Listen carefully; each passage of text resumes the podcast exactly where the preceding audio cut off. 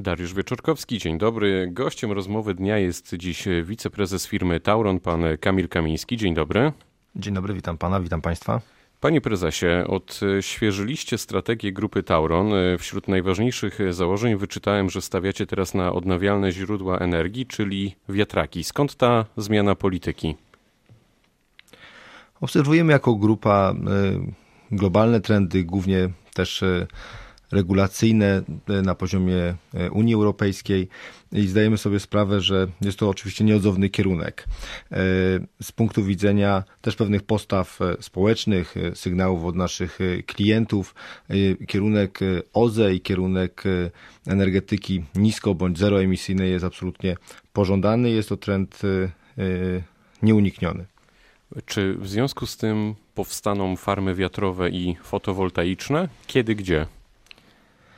Tak, zakładamy w ramach, tak jak pan redaktor zapowiedział, przyjętej niespełna dwa tygodnie temu mm, aktualizacji kierunków strategicznych do obowiązującej w grupie Tauron strategii na lata 2016-2025, mm, budowę zarówno farm wiatrowych, y, i farm fotowoltaicznych. Łącznie chcemy w naszym portfelu mieć 900 y, MW E, wytwarzania z e, energii wytwarzanej właśnie w wietrze i około 300 MW energii wytwarzanej w fotowoltaice.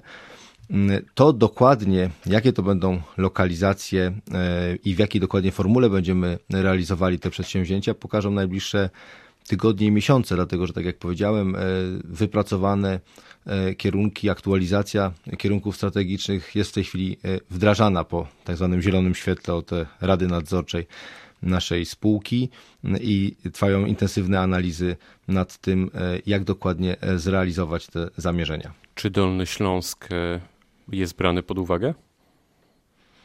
Oczywiście, że tak. Cały obszar Polski, to nie tylko koncentrujemy się na naszym OSD tak zwanym, czyli obszarze dystrybucji Tauronu Polska Energia, ale no ze względu na pewne uwarunkowania związane z naświetleniem naszego kraju, z wietrznością e, pewnych obszarów w naszym kraju. Nie, nie, że tak powiem, nie ograniczamy się tylko i wyłącznie do obszaru e, pewnym naturalnym e, tego słowa znaczeniu obszaru funkcjonowania grupy Tauron, ale szerzej w kontekście całej Polski, a nawet wykraczamy poza sensu stricte ląd, bo dosyć intensywnie analizujemy możliwości w pójścia w kierunku energetyki tak zwanej offshore, czyli farm e, wiatrowych na Bałtyku. No właśnie, trochę pan wyprzedził moje pytanie. Czy wiatraki staną także e, w Bałtyku? Rozumiem, że rozważacie ten scenariusz. Rozważamy w tej chwili, tak jak zapowiedziałem, jak tak, powiem, tak kategorycznie określiliśmy to w naszej aktualizacji kierunków strategicznych. W pierwszej kolejności stawiamy na farmy wiatrowe na lądzie i w tym zakresie chcemy osiągnąć docelową moc zainstalowaną na poziomie 900 MW y, y, i, i, i fotowoltaika na poziomie 300 MW. To też dodam, że w perspektywie roku 2025 da nam około 35% wytwarzania e, energii z, ze źródeł nisko bądź zeroemisyjnych, natomiast naszym planem e, docelowym jest 65% e, udział źródeł zero i niskoemisyjnych w roku 2030. I żeby już osiągnąć taki pułap, który właśnie w tej chwili określiłem na poziomie 65% udziału energii, tak zwanej energii zielonej w naszym miksie energetycznym wytwórczym Tauronu, praktycznie niezbędne wydaje się wejście w tak zwane offshore. W tej chwili z jednej strony prowadzimy rozmowy z partnerami strategicznymi, którzy stosowne koncesje już na Bałtyku mają. Sami też stosowne dokumenty w kontekście samodzielnego wystąpienia w tym projekcie e, złożyliśmy. Czy to oznacza wycofywanie się z węgla, nazwijmy to? Zdajemy sobie sprawę, że e, rosnące e, ceny uprawnień CO2 w sposób nieodzowny kierują nas w kierunku stopniowego odchodzenia od energetyki tej czysto konwencjonalnej, opartej na węglu. My i tak jako Tauron w tej chwili realizujemy, jesteśmy na finiszu i na przełomie tego roku i przyszłego e, uruchomimy elektrownię Jaworzno 910. E, to jest jedna z najnowocześniejszych tego typu jednostek e, w kraju, a nawet rzekłbym w Europie. Ona też spełnia bardzo restrykcyjne wymogi środowiskowe i ekologiczne. I to już, jak powiem, w ramach tak zwanej mocy wytwórczej konwencjonalnej, tej węglowej, przeniesie nas jako Tauron na już inny zupełnie poziom, jeśli chodzi o te parametry właśnie zanieczyszczeń. Natomiast y, docelowo zdecydowanie ukierunkowujemy się na, na, na energię zieloną, dlatego też w ramach poszukiwania pewnych dodatkowych środków w kierunku też przesunięcia nakładów inwestycyjnych, które w, mamy w przewidywalnym budżecie najbliższych lat. Właśnie rozważamy możliwe dezinwestycje w segmencie wydobywczym e, bądź ciepłowniczym e, grupy Tauron, po to właśnie, aby e, przekierować część środków, czy pozyskanych z tych transakcji, czy też tych, które miałyby być w dalszej perspektywie inwestowane w tych obszarach, aby przekierować je i inwestować właśnie w energetykę zieloną. To jednym zdaniem, panie prezesie, czy ta zielona energia spółki spowoduje zamykanie kopalni, utratę pracy przez górników? Nie, w naszych założeniach e, będziemy pozostawali e, z jednej strony naszą kluczową kopalnią jest kopalnia Sobieski, która jest e, strategicznie ważna z punktu widzenia dostaw surowca, czyli węgla do naszej jednostki nowej w Jaworznie 910. Natomiast docelowo biorąc pod uwagę parametry też ekologiczne, konkluzje BAT, rosnące ceny uprawnień do CO2, coraz bardziej zaostrzającą się politykę klimatyczną Unii Europejskiej, w naszym miksie energetycznym Taurona z tak zwanych źródeł konwencjonalnych pozostanie Łagisza i wspomniana nowa jednostka w Jaworznie 910 MW, więc to w sposób naturalny w pewnym sensie przesuwa ten, ten, ten, ten kierunek w kierunku OZE. Jedno, co chcę podkreślić, e, te założenia są rozpisane na e, kilkanaście lat, a nawet w perspektywie roku 2030 będzie to stopniowa transformacja, która z punktu widzenia kosztów społecznych będzie z mojego przekonania praktycznie niezauważalna. Czy dzięki tej, nazwijmy to, zielonej strategii, e, klienci indywidualnie zapłacą mniej za prąd niebawem?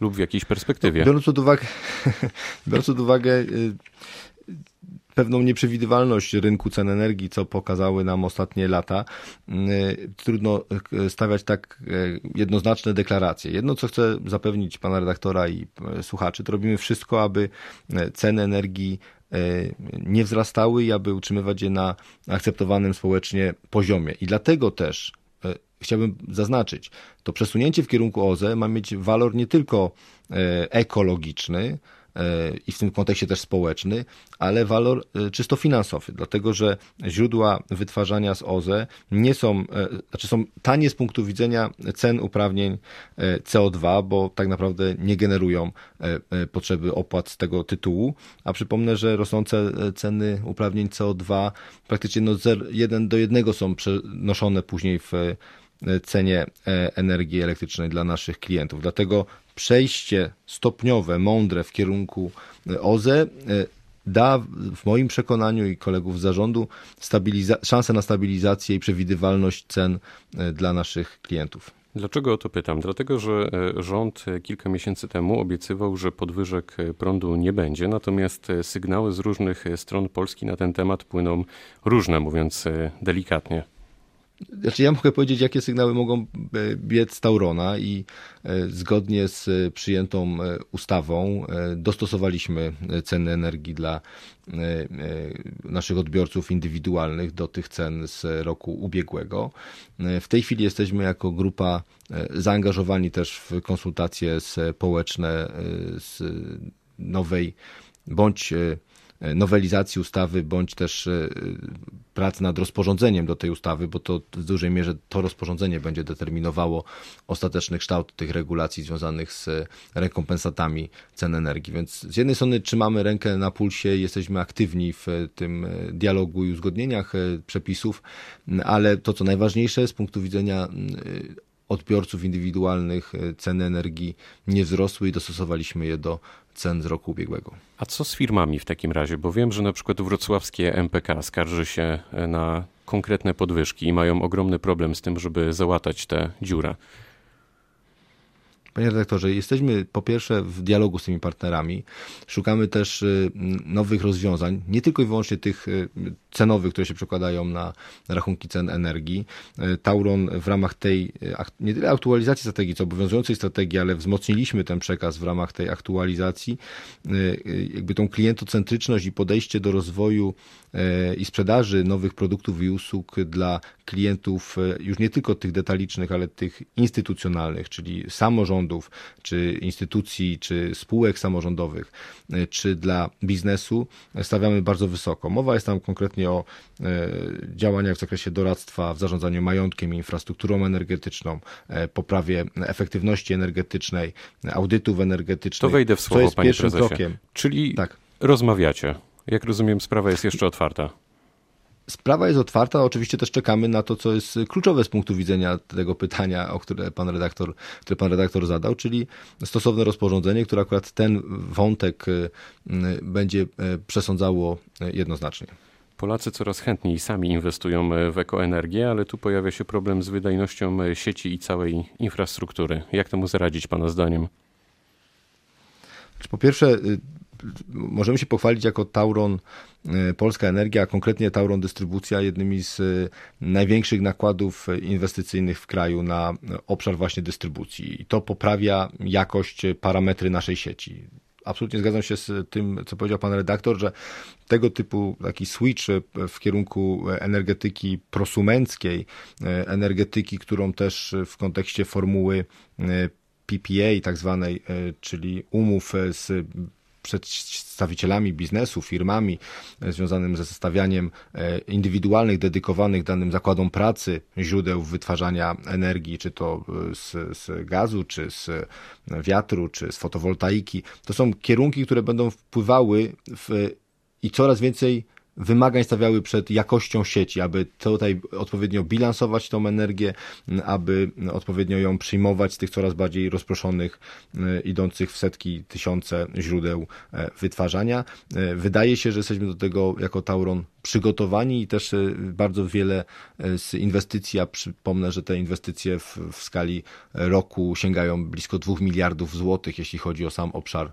dystrybucji, czyli poprawy jakości rozwoju naszej sieci przesyłowej, e, no to są bardzo wysokie kwoty i one mają nas przygotować i przygotowują skutecznie do tego, abyśmy po stronie przesyłu energii i jakości sieci spełnili wymagania tzw. Tak energetyki jutra.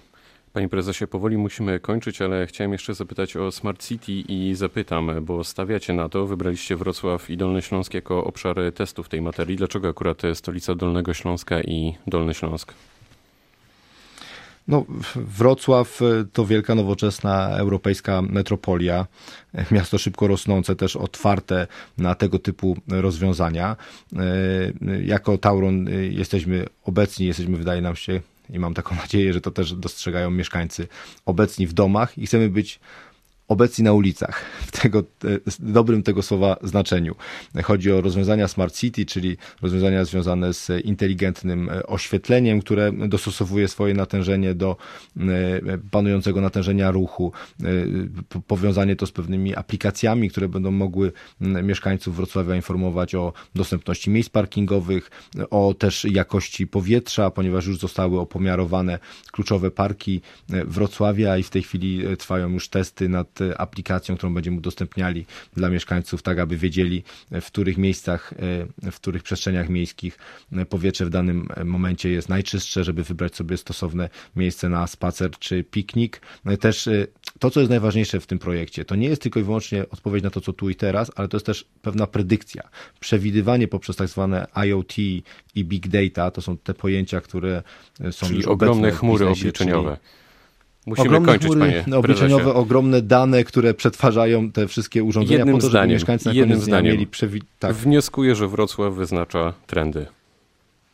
A to bez wątpienia. Jeśli chodzi o e, tak zwane e, Smart City na tak dużą skalę, e, ten program, który realizujemy u państwa będzie no, w tej chwili pionierem i jest dla nas tym, to wytyczną dla dalszych kroków, które będziemy podejmowali w innych miastach naszego obszaru oddziaływania. Powiedział wiceprezes firmy Tauron, pan Kamil Kamiński, który był dzisiaj gościem rozmowy Dnia Radia Wrocław. Bardzo dziękuję za spotkanie. Serdecznie dziękuję panie redaktorze, dziękuję państwu. Pytał Dariusz Wieczorkowski. Dobrego dnia.